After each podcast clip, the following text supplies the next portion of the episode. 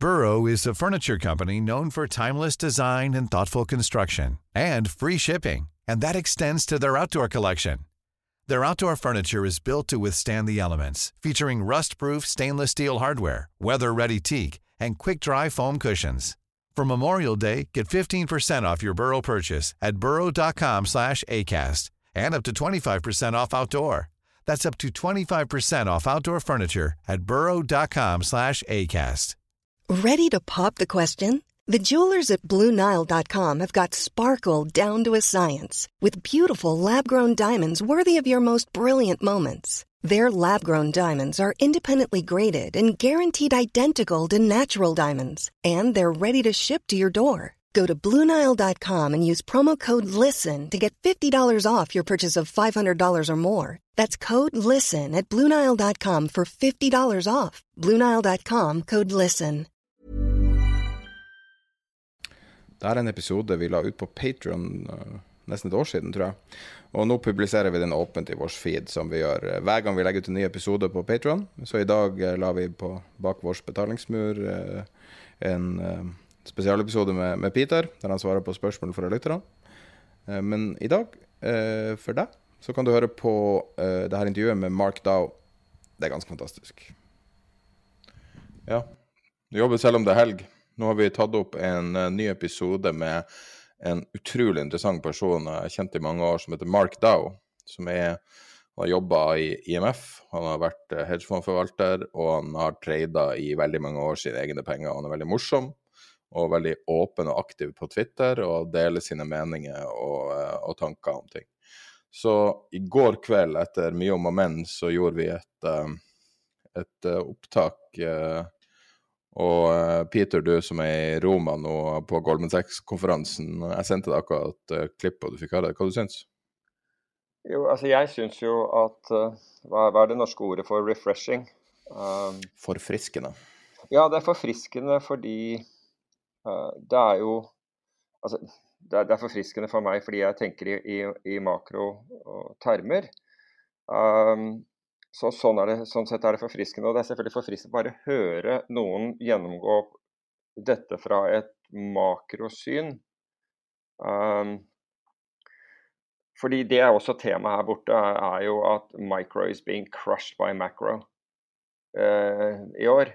Og, og, endelig så er det på en måte makrofaktorene etter sånn, QE over ti år med kvantitative lettelser og sentralbankmanipulasjon. Nå foregår det fortsatt, bare så det er sagt, til en viss grad. Uh, og vi så et eksempel på det i denne uken. Men, uh, men nå virker jo nå virker jo de makrofaktorene som er egentlig de viktigste faktorene for, for økonomien, for, altså for verdensøkonomien og også for nasjonaløkonomi, nå, nå virker disse igjen på markedene. Uh, og kan ikke ignoreres av altså, Tenk deg hvis du, hvis du, kom til markedet for, eh, for, for, ti år siden. Så du har hatt en ti år lang karriere som da, da min karriere var ti år gammel, så syns jeg at, at, jeg var en veldig erfaren eh, eh, markedsaktør.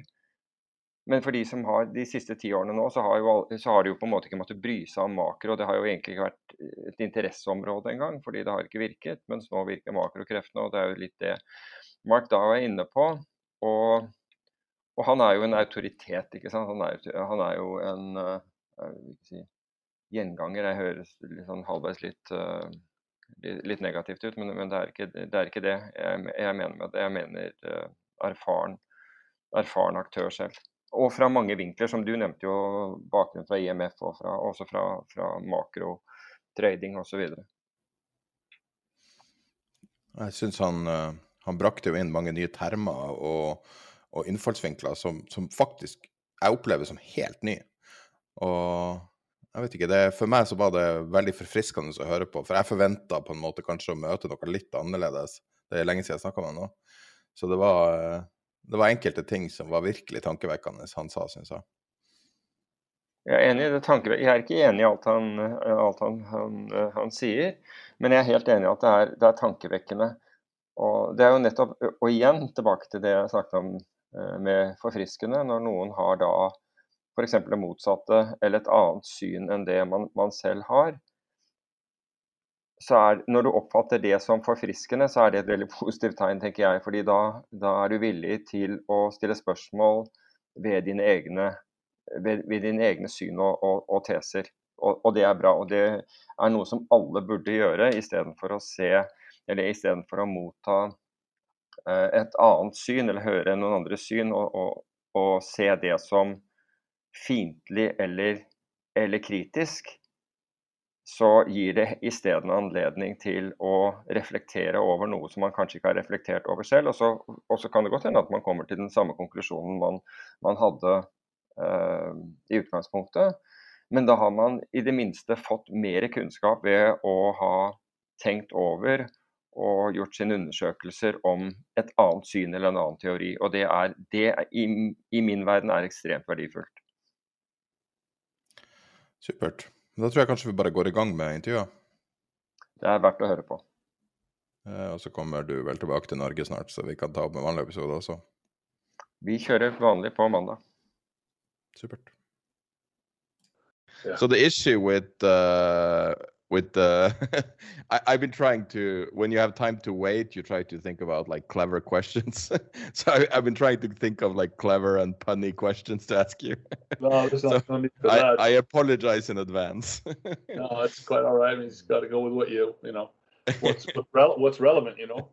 So i was figuring like because a lot of people follow you on twitter but people may yeah. not know about your experience. I was trying to say it as a question which part of your experience do you think best prepared you for 2022? Your time at the IMF, your time as a hedge fund manager, or your years as part of the Peanut Gallery and FinTwit? Um, probably hedge fund, just learning how to manage risk. In in an environment like this, it's it's the risk management. Yeah. You know. Do you trade or because it's so hard to to to pin you down? Oh, I trade. I definitely trade. Well, it's also on my uh, behavioral macro handle. So what? I don't know if I told you this, or you know, you probably know this. I have a a few years ago. I had this idea because I was getting so many followers that uh, you know I was getting a lot of random guys saying stupid things and kind of clogging up my stream. So I kind of said to myself, I said, you know, it'd be great is uh, if I could have some kind of locked account where people could pay a small amount uh, just to, to read the tweets and engage on these things. And that will filter out all the people who just want to talk shit, right? Uh, and and if they do want to talk shit, well, at least they're paying me to talk shit, right? um, so I'll, I'll, put up with it. But so I kind of set I set that up. Uh, um, Twitter didn't have a way to do it, so I kind of went with some programmers and whatever, and I set up this behavioral macro account. So over there, I'm more explicit yeah. uh, on what I'm doing uh, and just risk management schemes. I don't want to be always too explicit because then people brainlessly copy your trades and they might not be there to get out when you get out. You know what I mean? I might not be there to tell them to get out because if you tell them to get in, then you're kind of on the on the hook to tell them when to get out. And it's you know, and I want the the key of the whole behavioral macro thing is to help these guys learn how to think for themselves because everybody's going to have a different risk style, and we can all the amount of risk we can sleep with at night is different for each one of us, right? And and our personal situations, financial situations are also very different. You know, some people need to make money, some need, people need to protect money, all that kind of stuff. So, for those reasons, I don't like to be too explicit, but I share charts about my trade ideas. And then when people ask me, I say, well, I would look for a stop in this area, and the type of stop I would choose would be correlated to my position size in this way. And I kind of explain how to fish rather than saying, here's the fish. I didn't know that.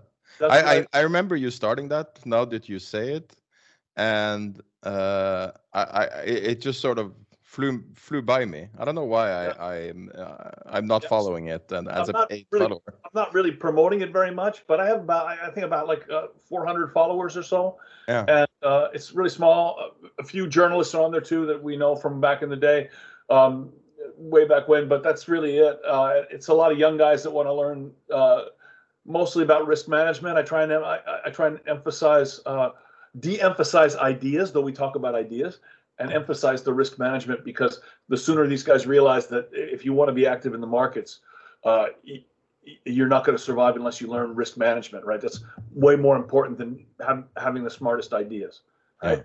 Uh, once they get that, then everything else gets easy. How do you approach risk management? Is it in in the similar way as people talk about how poker players think about the stack size? So when you lose, bit, yeah. you there's a lot of overlap with that, uh, particularly at certain points in time.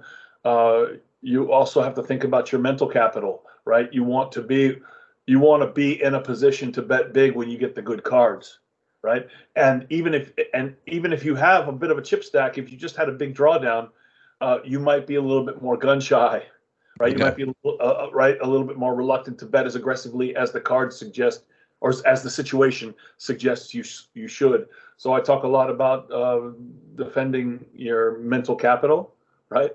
Uh, and how to how to you know sometimes little wins and uh, things can turn around very quickly. You think, oh my gosh, I can't. I'm not seeing the ball very well, and then all of a sudden a couple things go right, and then you see it, right? So you have yeah. to learn how to adjust how hard to push it when you're seeing the ball and when you're not seeing the ball, you know, uh, that kind of thing. So I just help uh, a lot of those guys. My, my, my basic thought, Sverres, you want to have a develop a if you're active, right, and you're trading and investing actively, you want to develop a style that relies as little as po- a risk management system that relies as little as possible on your batting average, your your success rate with your pick, right? Uh, so so that even if you're right 50% of the time, you're going to make money. And then if you're really really good and you make and you're right 62% of the time, then you're a superstar. Yeah. But if you work on building a system um, that minimizes as much as, as as as much as reasonable the the, the need to be right, you know, um, and then and you happen to be right, then that's a bonus. Yeah. But if you can learn to make money without being right, that's really um, that's the key. The real issue especially people running in, in this year and in the, in the last few months. So it's been so incredibly easy for stupid people to make money, and that's like generally it's. I always thought that was a red flag when stupid people get rich. It's it's concerning because it's difficult to be smart when everything goes the right way in uh, uh, with QE and all these sort of almost nonsensical ideas. But how how do uh, how do you how do you and how do the people that listen to you approach these whipsaw markets? Because we're seeing this high volatility we're seeing major down days major up days. Like how, how do you yeah, play it? So how do you approach it? it's interesting uh, because uh, like assets and asset classes uh, behave differently. Some have you know their day-to-day volatility is let's say 3% but their intraday volatility is way higher. So uh, the the volatility of something is contingent upon the periodicity of the measurement. Are you looking at daily volatility annualized? Are you looking at five minute volatility? Right. What what kind of what kind of time frame are are you are looking on? So this maps to in uh, uh, position size, right? Which is goes to to your question. If you're having a lot of uh, intraday volatility, a lot of chop, as you referred to it, then you want to size your positions smaller it's also true that in this part of the cycle, uh, you know, that it's not the time for making money; it's the time for keeping money, kind of thing. So, err on the side of playing small. Uh, the game recognize that the game has changed, et cetera, et cetera. If you're aggressive and no and uh, comfortable shorting, you know, maybe now it's late to short, uh, a little bit late, but that's been a useful tool uh, yeah. as, as well. There's some situations where you say, okay, if the market continues to go down, you know treasuries have been selling off with stocks because whatever the reason. Usually when that happens equities sell off to a point where people say oh this is really bad and then stocks bonds stop selling off and people start going into bonds uh, as a flight to safety right? So if you can recognize the points when that's starting to happen you can buy bonds uh, and have it be a hedge that probably works either way right? So recognizing that point where you say okay the correlation is flipping if I buy bonds here and stocks continue to go down, bonds are now going up. They're no longer going down. And um, obviously, if, if uh, uh, you know if stocks if, if stocks go up, the pressure on selling bonds also declines and they go up, right? Like because yeah. they're oversold. So those are the kind of things you you try and. Would you approach that as a lever trade? Like, would you lever? Um, I would if I needed to. Yeah, I mean, to match I, I the returns of stocks, but lower risk, right? Yes, yes. But one thing you do have to be careful about when you're le- using leverage in a long short style is that uh, when you're in a regime where the correlations can change quickly or the correlations are less stable. So you have kind of correlations sometimes, like the one I was just talking about between stocks and bonds, where most of the times the correlation is one way, but sometimes the correlation is the other way, and you have to recognize what shifts you from one regime to the next. That's one thing, and that that happens with a lot of uh, a lot of assets, right? Yeah. So sometimes gold will correlate with stocks, sometimes it will correlate with rates, sometimes it will correlate with the dollar, and you kind of have to know which regime it's in and why, right? Now there are other regimes where the volatility is just less stable, right? The correlations are just less. Uh, the, uh, the correlation and the volatilities are just less stable. So if you're saying I'm going to buy this, but I'm going to short this to protect myself in a, in, in a regime where the, the correlations are less stable, then you better put your you, use smaller positions because you the, the probability of having a day where they both both your your long and your hedge go against you has increased. So you have yeah. to have small positions to be able to hold on to them. So there are two things. One is the is is the uh, uh, is the height of the correlation, the strength of the correlation, right, and its regime shifting characteristics, and the other is the volatility of the cor- the stability of the correlation. And we're in a regime right now where the the the uh, correlations are fairly unstable, even if they're high across a lot of assets. There's one uh, factor that's been correlating very, very accurately. Inverse Cramer. oh, I, I, know people love to say that, but I think Cramer gets too much, too much, too much heat. I know he's an entertainer and he says crazy things, but I find him useful as uh, I've been watching him so many years, I find him useful as a read to what the markets are doing. And sometimes he does have good insights, as much as because we can all find a tweet where he said something just before the opposite happened. It's just too easy yeah, because the frequency of his pronouncements, right? But uh, I think I, I think because of that, we probably give him less credit than. I mean, there's a lot of things you can criticize about Cramer. I'm not, you know, but I, we, I think we're too harsh on him. Is, I guess is what I'm trying to say the poor guy. Well, I guess poor guy. I love it. Your your uh, contrarian Cramer. That's amazing. Yeah, well, that's almost the first time I've ever heard. I mean, that. I have some things I can say about Cramer that you know have made me made, have made me unhappy, but uh, where I think he hasn't been right, or I think he's been sloppy, or I think um, he's done damage saying things that he shouldn't have been saying. Uh, yeah, yeah. And not just about stocks, about people and things like that. Uh, uh, he can be really judgmental and super superficial, uh, and doesn't always, uh, you know, consider the weight of his words. But on his stock picks, I think he does have a good feel for the market a lot of times. So it's worth listening to, and you just kind of have to know what to filter. You know? It's a good it's signal, good I think. But depending on, uh, like every signal, it's complicated. Well, and, even uh, more than the signal, Sverre, what I, the way I look at him, I listen to the narratives that he uses to explain what's going on or what might go on. And I say, okay, do these narratives make sense? How many people believe in these narratives? Are these narratives ascend in the ascendant or the descendant? Right. So that mm-hmm. I use him. He explained, like a lot of people who come on TV, they try and explain what the market is doing, and they have their theories. And I pick and choose from those and say, okay, what makes sense to me? and I go, okay, well, if that's true, then these correlations should be doing this, and then I kind of, kind of test them. So I find it useful to hear the narratives that he puts forward uh, because sometimes they make me think, and I say, hey, you know, that makes sense, or maybe that is going on. Let me check this. Uh, and you want to know what the narratives are that are running through the market, whether you think they're right or not, right? You need to know them, and you need to know whether they're strengthening or weakening, and what influences uh, them. Like you know, right now, looking at the markets, we know if oil and copper continue to go down that's going to take a lot of pressure off the Fed, right? Because that's uh, the that's price of oil. The, the price of oil. I mean, if you look, if you decompose the, the inflation problem in the United States, right, lately, you'll see that you know gasoline is up 70%, 75% since the first signs of Russia invading Ukraine.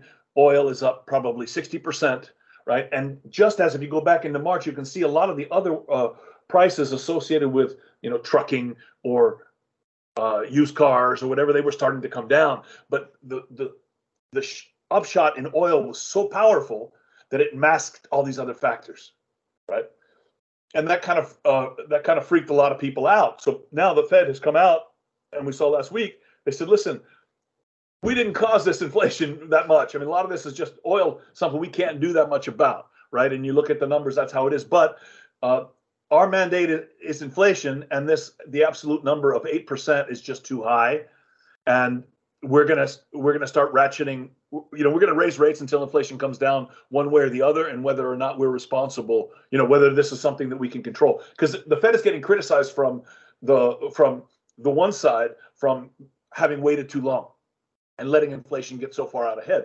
It's getting criticized by others, not that many, but some, by saying, why are they raising rates and to kill the economy when this is really about oil at this point?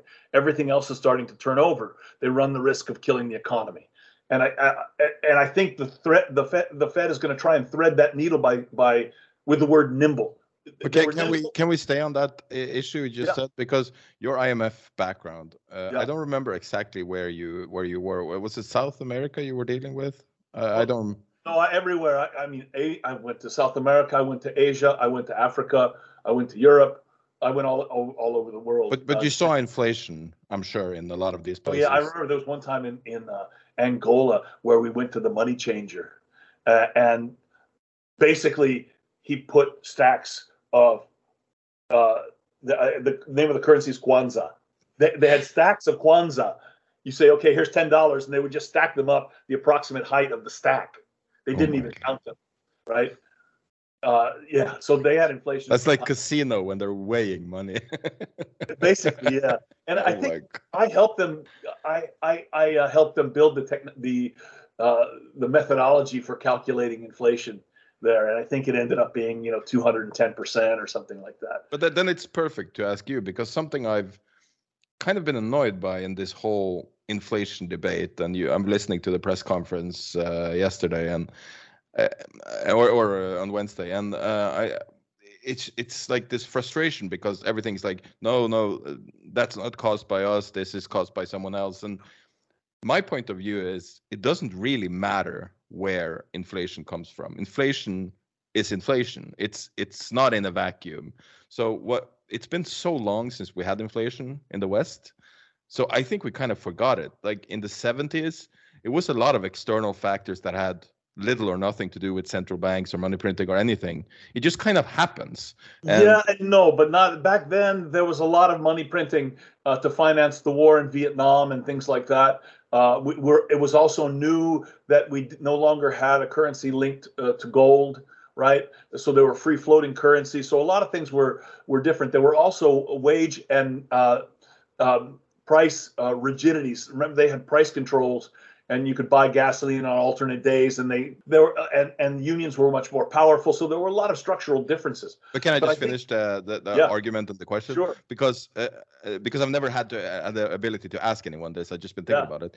And uh, so my idea is like you think of um, uh, a whack-a-mole or something like that, where you press down one place and it just pops up somewhere else.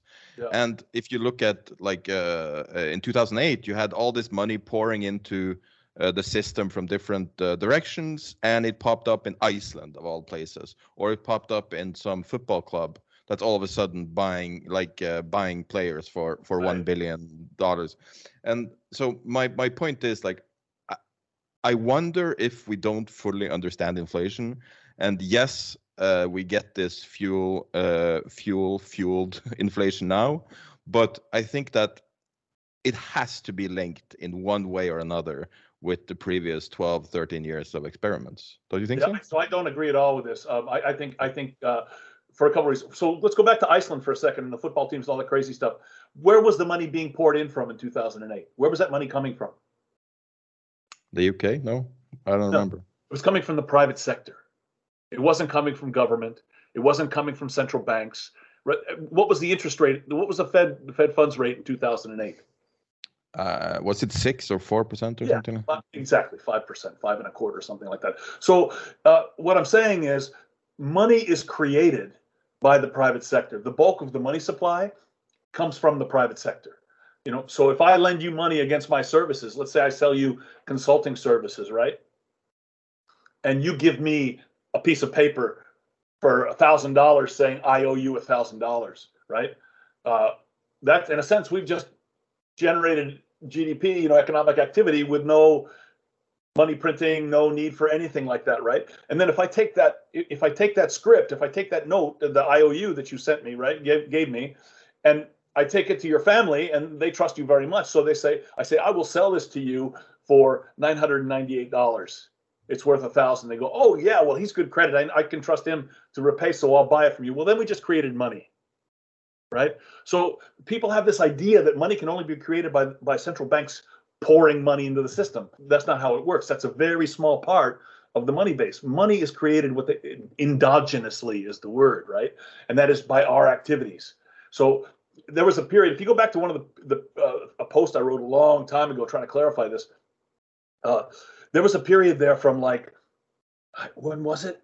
Uh, I don't know. It was like a 20 year period where credit went from 1 trillion to 8 trillion and uh, credit to the private sector bank credit you know went from 1 trillion to 8 trillion.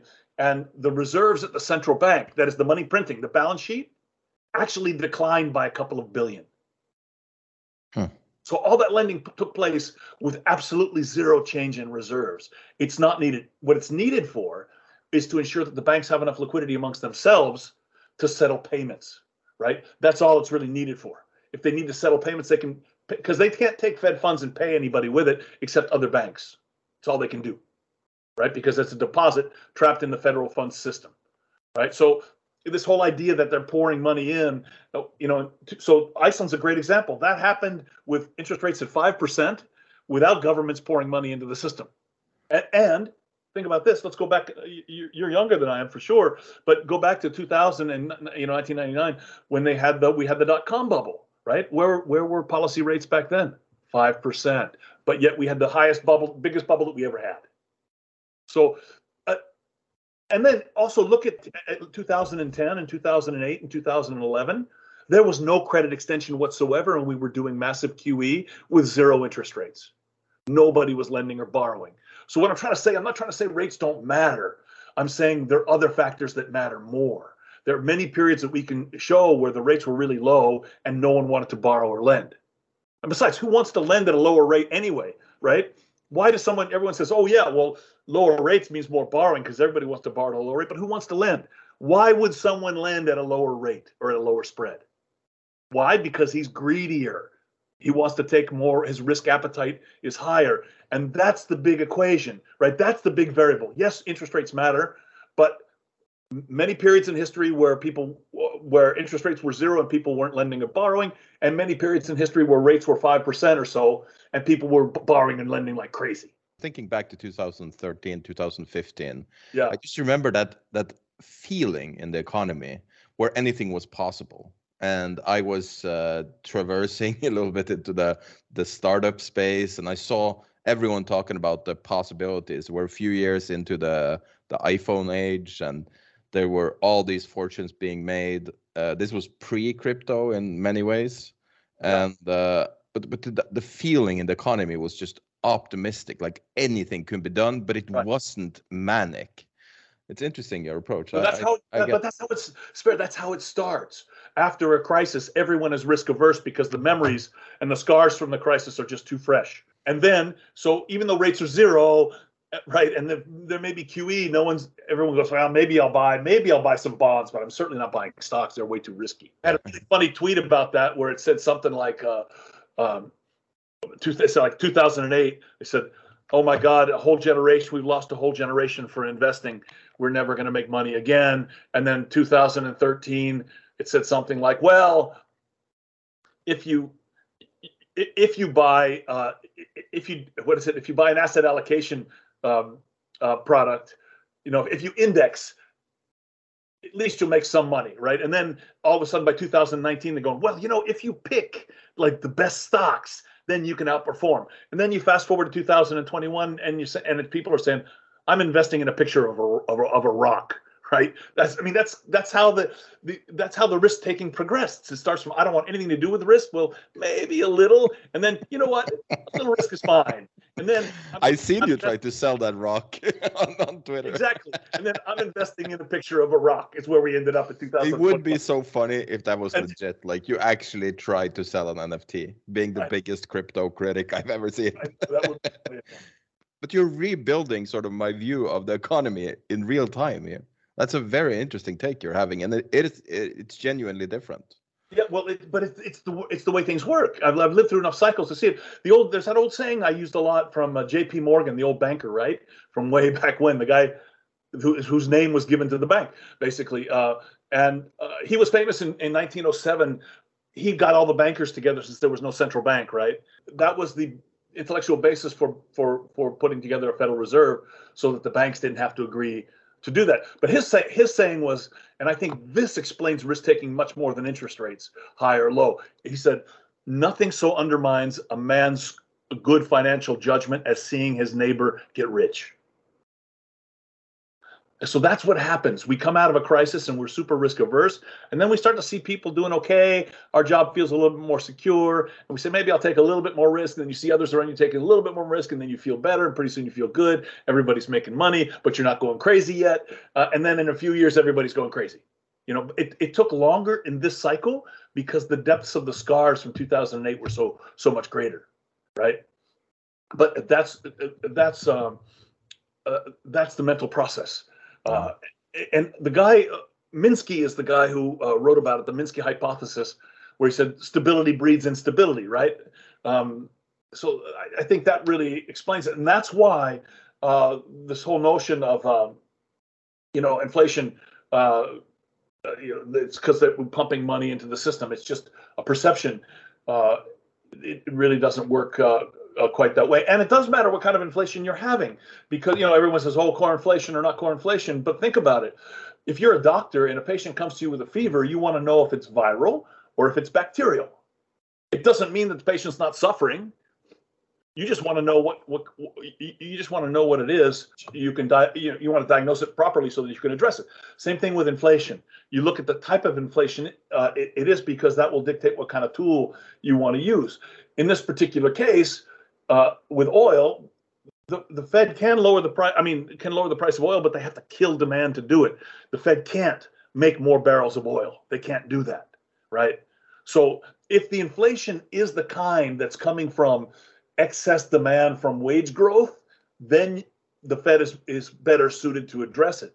But if it's coming from supply side shocks, a series of them, um, then they really can't address it as well. However, uh, the pop most people don't see it that way because they don't they don't have the tools to look below the surface. They just say inflation is high i hate it you got to do something. And the fed said okay at 8% we got to do it even if even, even if this is coming primarily from uh, from oil and, and, and gas uh, we've got to start. Because there are elements now uh, other elements that um, because we've had uh, so many supply side shocks we've had high inflation for a while it's starting to bleed into other categories and alter expectations. And that's why the Fed stepped in on uh, uh, on on Wednesday and said, okay, it's starting to affect people's expectations about where inflation is going to be in five years, and that we can't have, even if we don't have a lot of uh, control over the price. So they wanted to send a signal. This is so interesting. It, it is literally a new approach that I've never quite heard uh, said this way. Can you see the chat, the window, the chat window? I sent you an image. Yes, it popped up. Where is it? Where did it go? What, what was it an image of? Uh, it's our logo that I made. Ah, oh, very cool. Do you recognize it? If you can see it. It's a graph of. Not sure. What? It's that bubble, the bubble chart. If you remember the the one that follows the cycles of of a bubble. Ah. And I and I sort of stylized it, and yeah. and what you're describing is something that I've always thought was the case that uh, really what markets are is just collective psychology, which is yes. why this graph exists. Because you yes. look 300 years back, you see this graph. You look at ARK, you see this graph. You look at Tesla, you look at, at Bitcoin, you see the same graph. 100%. So that's interesting. But do you have a, a sort of an alternate version of this? Because by your in my head, I do. I mean, yes, I, I understand the process works that way. Um, yes, through these psychological phases. That's exactly right. And this, where you are in those psychological phases, uh, is way more important than the price of money, and we can test that out. Right? We, like I said, we can look at 2010 and 11 and 9, and no one was borrowing, and rates were zero when we had massive QE. And then uh, you look at, at at the other periods where the rates where there was no QE and rates were five percent, and we had massive bubbles. You don't think that the price of money matters? No, no, no. I said earlier it matters it doesn't matter as much, or if it mattered as much as these other factors, we would have seen lending in 2010 because the price was zero, right? We wouldn't have seen lending uh, and, and borrowing in the bubbles of 2000 and 2008 or 2007 because rates would have been too high. I mean, the investment banks got into trouble being 33 times levered when the Fed funds rate was at 5%, right? That doesn't square with the people who think that all bubbles are caused by uh, by the Federal Reserve. The problem is fair. It's so intuitively compelling to say, "Oh, the Fed's printing money," even though they're not printing money. People use that phrase, and they go, "They're pumping money into the system." Of course, we have inflation. It's just too simple, too intu- intuitively compelling, but it's wrong, right? That's not what's what's happening. The fiscal policy of the United States had more of an impact on inflation than the monetary because that money, you know, you can lead a horse to, you know, the old saying, you can lead a horse to water, but you can't make it drink. Have you heard that expression? Yes. Well, you can lead a bank to liquidity, but you can't make it lend. Right. And that's the, whereas fiscal, when you do fiscal policy, you're putting money in, you're injecting it into people's budgets, right? When you're saying, I'm going to lower the interest rate, you guys decide if you want to borrow or lend, right? That's a different thing. So if you're risk averse, you're not going to lend or you're not going to borrow. But if you're risk averse and the and the government gives you a big fiscal transfer, you're going to spend some of it. That's why fiscal policy is eh, has been more powerful. So what we need now is sort of a a Federal Reserve of cheerleaders. So basically, we need an army of, of Jim Cramers. In what sense? No, but I'm not. I'm not being facetious. I'm I'm serious. Like if psychology is really the key factor is a, is a bigger factor. The way to stabilize prices would be to stabilize psychology. No? Uh, i mean we have a material shortage in oil and some other things because the production two things. Production stop dropped significantly out when covid hit right? You can see it on all the charts. And this happened for home builders this happened for retailers this happened for everybody everyone said oh shit the economy is going to collapse. I need to cut back production. And they cut back too aggressively because they didn't anticipate that the government was going to be so forceful in supporting people's incomes and jobs right? So the government was kind of filling in the hole of aggregate demand yeah. that covid shock gave us. Now you could argue they filled it up a little bit too much or not quite enough and that will depend from country to country. But uh, that that's that's basically uh, you know that's that that's basically what happened. Uh, and it you know inflation obviously would have been a lot lower if they didn't do that, but we also would have had unemployment at nine percent or wherever, right? So it's a bit of a trade-off. Uh, but fiscal does have uh, an impact on inflation in a way monetary may or may not. Doesn't matter. You know, monetary can if the, our psychology is right, but uh, if if we have these shortfalls in oil that are material, psychology can't fix that, right? It's just going to take time for us to get our production level. I mean, of course, Russia was the second factor, right? So production was hit across the board with COVID, and then in the oil sector, Russia, uh, you know, we were hit by by the Russia thing too. Not going to monetary policy is not really going to fix that. You are probably the most vocal crypto critic that I, I see. I have fun with it. you really do. Why do you love to hate it so much? Oh, just because I think it's I, I, think it's uh I think it's a fake asset. I think it's all it's the emperor's new clothes. People were fishing around uh, based on bad monetary thinking. Uh, right on we need to protect ourselves from bailouts and money printing and all these other things that they didn't really understand right that's how crypto kind of started and after the the last crisis there were a lot of really bad stories about the bailouts and uh, cynical conspiracy theories and what was done, what wasn't done, uh, and the effect of printing money. Remember, people were looking for inflation for 10 years and it didn't happen, right? Uh, it only happened when what happened when we had all these supply side problems and powerful p- fiscal stimulus, right? That's when we got the inflation, not uh, not before. So there are a lot of people kind of in that camp that were looking for inflation for the past uh, 10 years, and they they say, oh, Bitcoin will protect us from this. And it started out as a permissionless way. We don't have to deal with you, a US dollar. We've got Bitcoin now, and we can do permissionless transactions, and you can't stop us. That's how it started. Well, it didn't really work very well for currencies. And then they said, well, it's a store of value, right? And, you know, it was going up in price. So, of course, it's a store of value. although that's not really what a store of value means. And then it was an inflation hedge, and then it was a hedge against uh, bear markets or systemic sell-offs and all that. And they kept changing what its per, its use case was, right? Uh, and it never worked. And and you know in the investment world when people start changing their investment thesis randomly like that, you know that's a sign that their initial thesis wasn't good. And we've seen that with Bitcoin. It's always a they give you some word salad about technology and promise you, but we're building this and decentralized and reconfigured blah blah blah. It sounds really great and it's coming soon, but nothing ever happens, right? Nothing. Did you see happens. the Marc Andreessen uh, podcast interview when he Yeah. tried to give a use case for Web3. It happened to another guy too. Another guy who's more sympathetic. Yeah, uh, Patty- the, Patty Mc somebody or other uh, who writes a lot about Web three. He got the exact got caught in the exact same situation, right? Uh, because there's nothing there. There's nothing there. So that's why, and, and I think uh, because pit, behind Bitcoin, there's a whole universe of um, hype men who are promoting Bitcoin on the back of propagation of really bad mon- bad and paranoid monetary um, thinking, right? Uh, and- well, Zero Hedge and Bitcoin was launched virtually on the same day.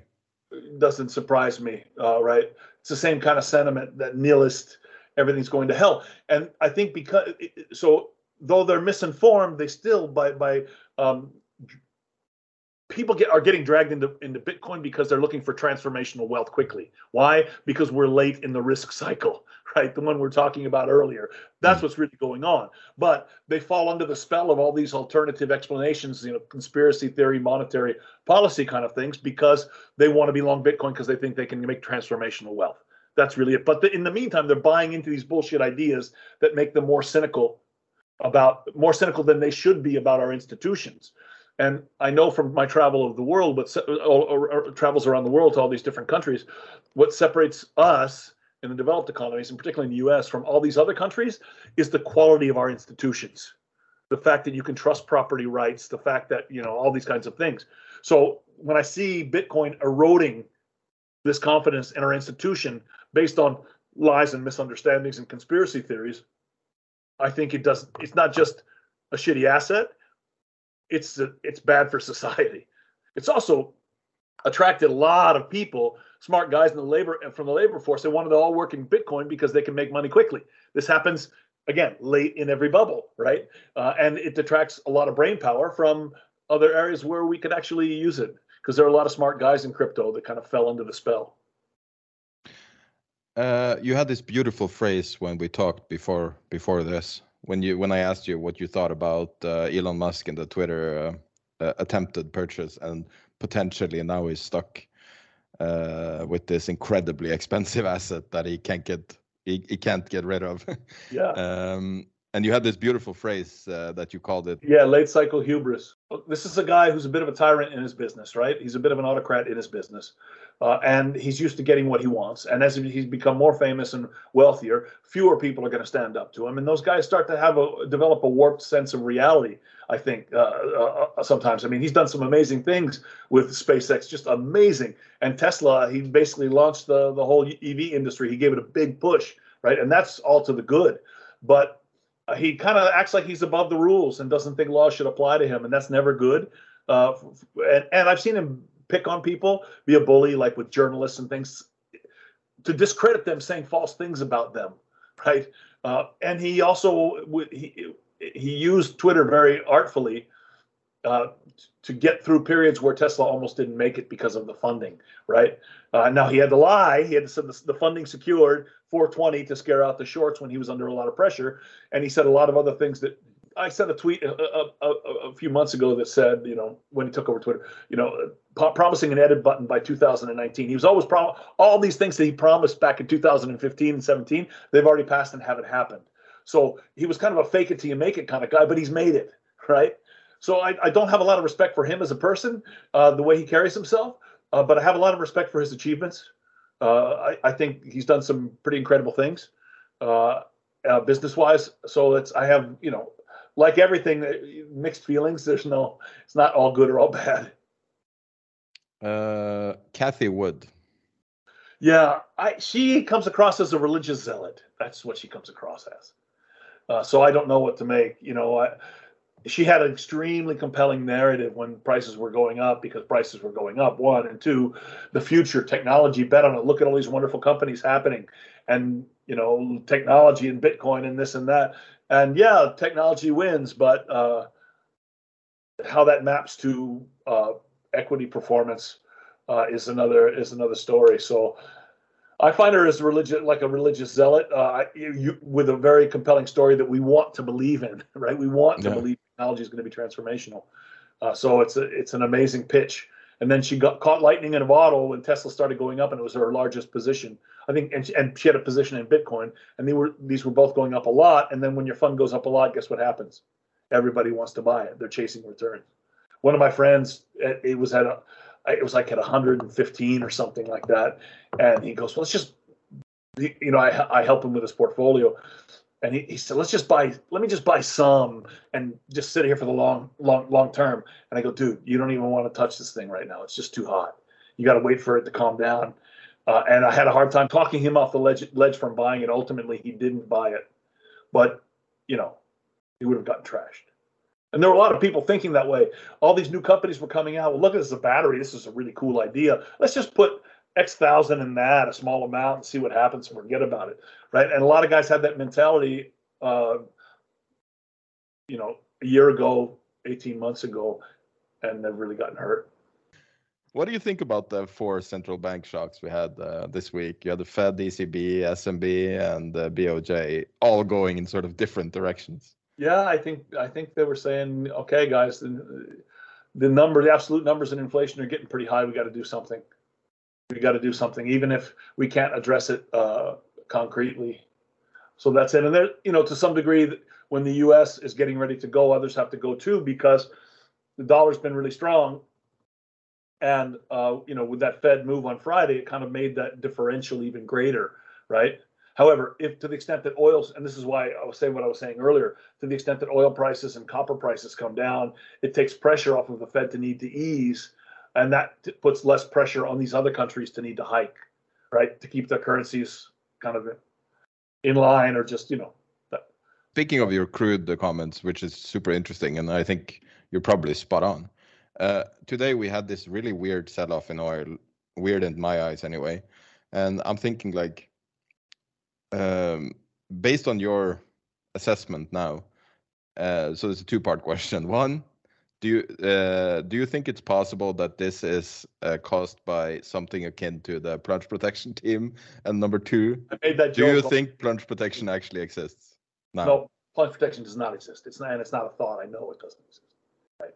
It's um, it's one of those speculation, uh, those those uh, conspiracy theories that the guys in the futures pits in Chicago uh, would talk about when they didn't want to, because you're always max bear, bearish at the lows, right? That's just how, and you're max bullish at the highs. That's just how it works. So yeah, when the day when it reverses on you, a lot of people by definition are going to get caught out. And rather than saying, "Oh shit, I overstayed my welcome, I got caught out," they go, "God damn, government screwed me." we all know. Look how bearish everything is. Of course, it was going to go down. There's no way that price action was just phony. I can tell you it was phony. I've been working in this pit for 20 years, these futures pits for 20 years. I know phony price price action when I saw it. It was, and then that, and then everyone would rather believe I got screwed than I screwed up. yeah. So that's kind of how these things get propagated. I made the joke earlier just to try and get the conspiracy theorists all excited. Um, but no, it's it's not that. Now, it may well be that there's a policy initiative where they're going to Saudi Arabia or whatever. But I think the most likely scenario uh, explanation for the decline in the sharp decline in oil in recent days is bear markets eventually come for every single sector, right? And the sectors, right, and and the sectors that were last to go were ones where you're making money and ones that are we call them widows and orphan stocks the last things you want to sell like apple right those are the last things you want to sell Yeah. So I, I i i've been saying the the way the places you want to short for the past few weeks the places you want to short are these mega cap stocks like apple and uh and microsoft because those are the last things people sell meme stocks which are still overvalued and the faith-based assets like bitcoin and gold right? Yeah. That people hid in, they're still hiding in because they think it's going to help them from something, but they're increasingly realized realizing, hey, it didn't really help me at all, right? So they they they're they're forced to get out. Uh, So the, the big question people ask and then oil, and then the final sector is oil, where there's still a lot of profit. So that's where the selling um, needs to be now, and that's kind of where that's kind of where it's happening. It's been happening. So Apple is down 27%, Tesla is down 40%, Amazon is down 38%. This is yesterday. Uh, Google is down 25%, Exxon is up 48, Netflix is down 71%. Yeah. Just some big assets that I looked at. Right. And uh, everyone is saying, is this the bottom? Is this the bottom? Is this the bottom? And I heard many people use this analogy saying, yeah, when Apple is down 20%, you can start buying. And now it's down 27. and uh, I'm wondering, like, a lot of pain has been taken out of the markets. I think so. I think so. Um, I it, it, so to, to finish that last thought, oil is, is being sold off because it's kind of the last pocket of profits to go after. Bear market is finally going. So that, that means we're close to the end, right? Oh, to get back to your question, but I so I don't think it's anything fundamental about the oil market. Uh, any market that has done as well for as long as the oil market has, it's been going up phenomenally for a year and a half now, right?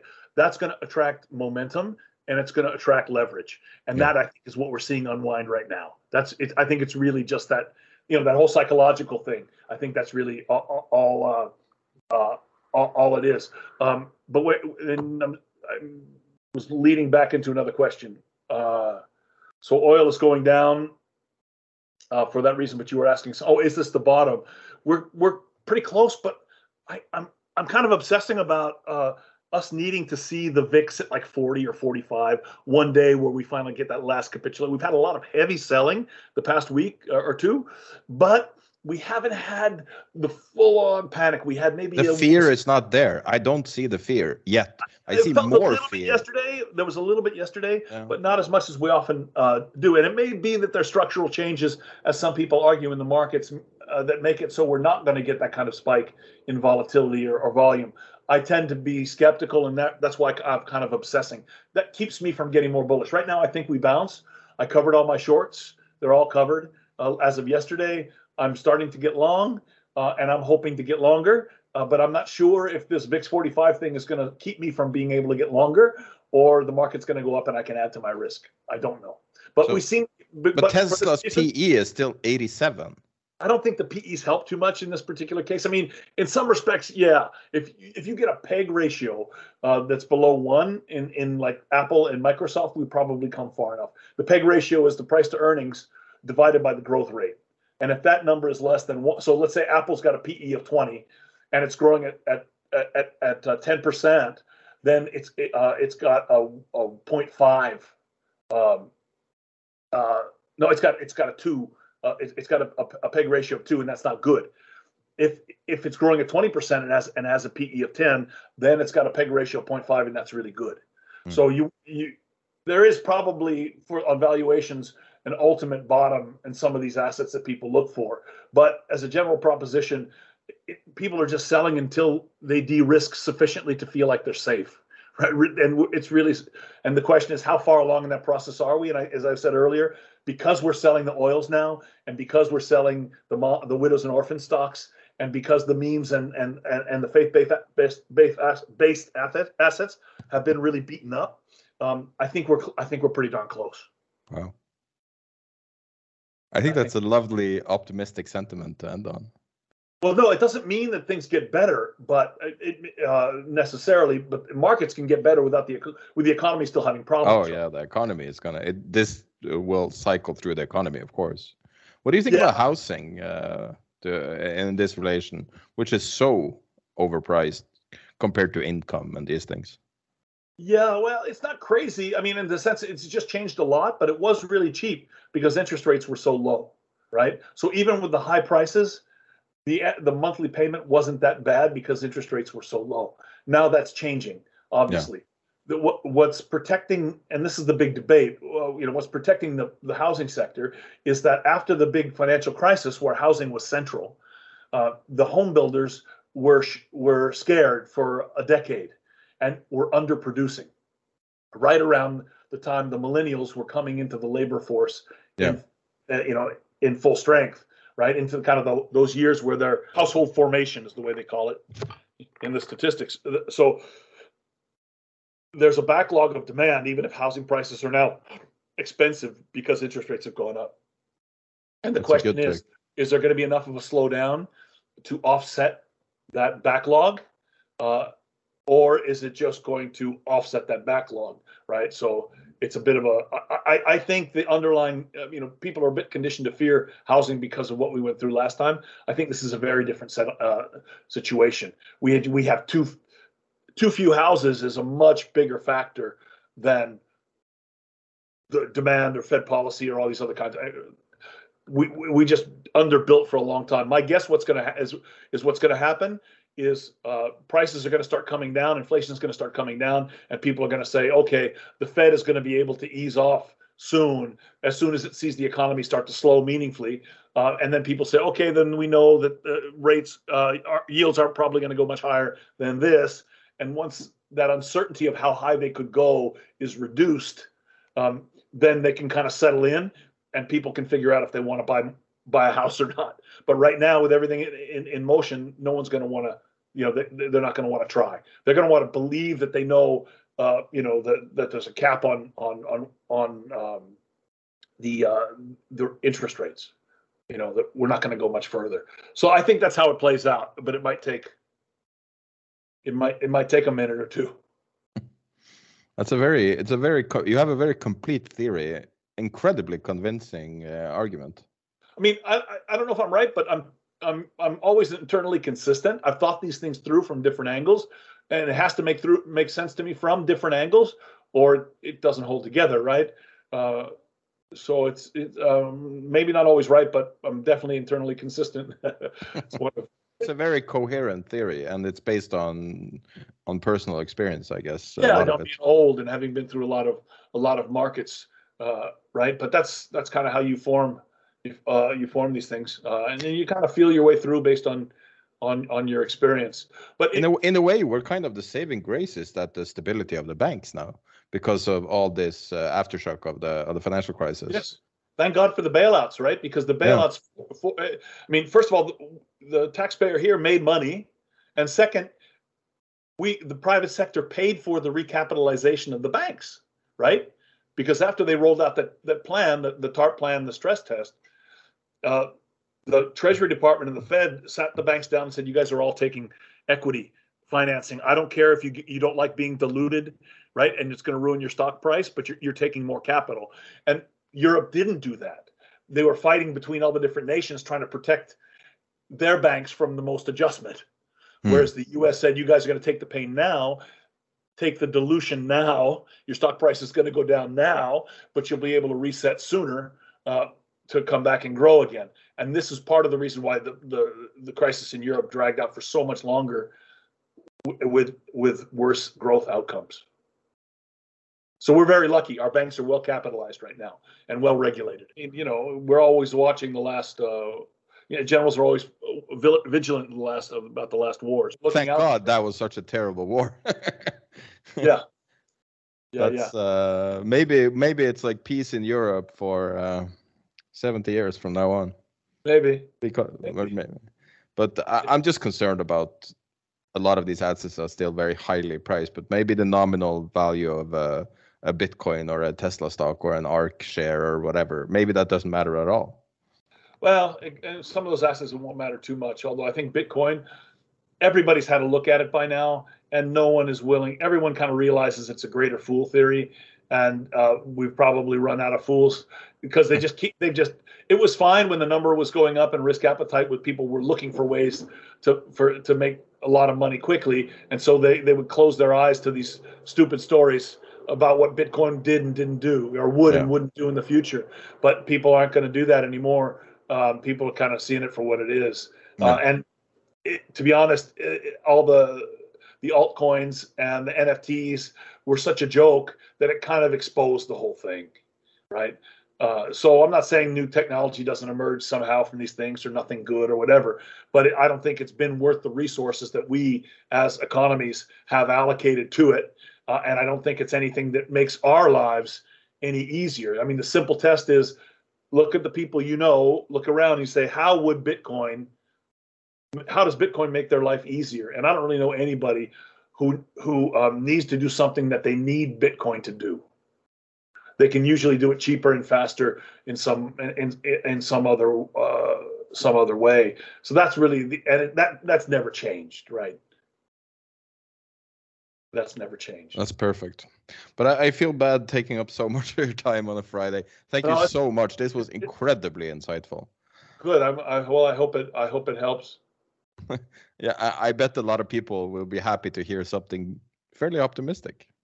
Yeah, I mean, I don't want to call it too optimistic, but we've got some stuff to slog through. But there are scenarios where it's going to be okay. What we don't know now is, you know, how how how, how dramatically the slowdown is going to be. I am confident the Fed, the Fed is going to be nimble.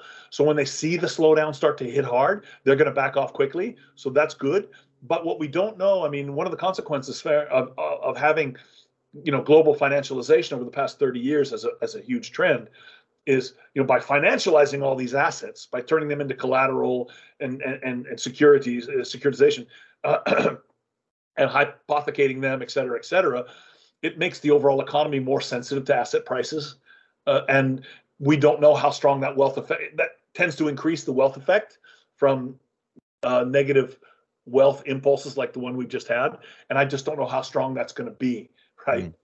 You know, it, does the level matter? I mean, a lot of people are gonna will have lost a lot of wealth, right? Yeah. Or if is it enough that it just stops hurting right as it stops going down it starts going up or going sideways that people will feel okay again all right so i just don't know which of those two things is going to be more powerful uh, and and until we in, until we see that we're not going to know whether or not we're going to get a recession or what kind of slowdown uh, and that's that's so th- there are concerns obviously uh, but i think there are a lot of scenarios as well uh, where we've seen in the markets the the bulk of the pain, you know, uh, and and at least close to a medium term bounce, uh, if you know maybe more, but who knows? Perfect. I'm just All gonna right. end the recording.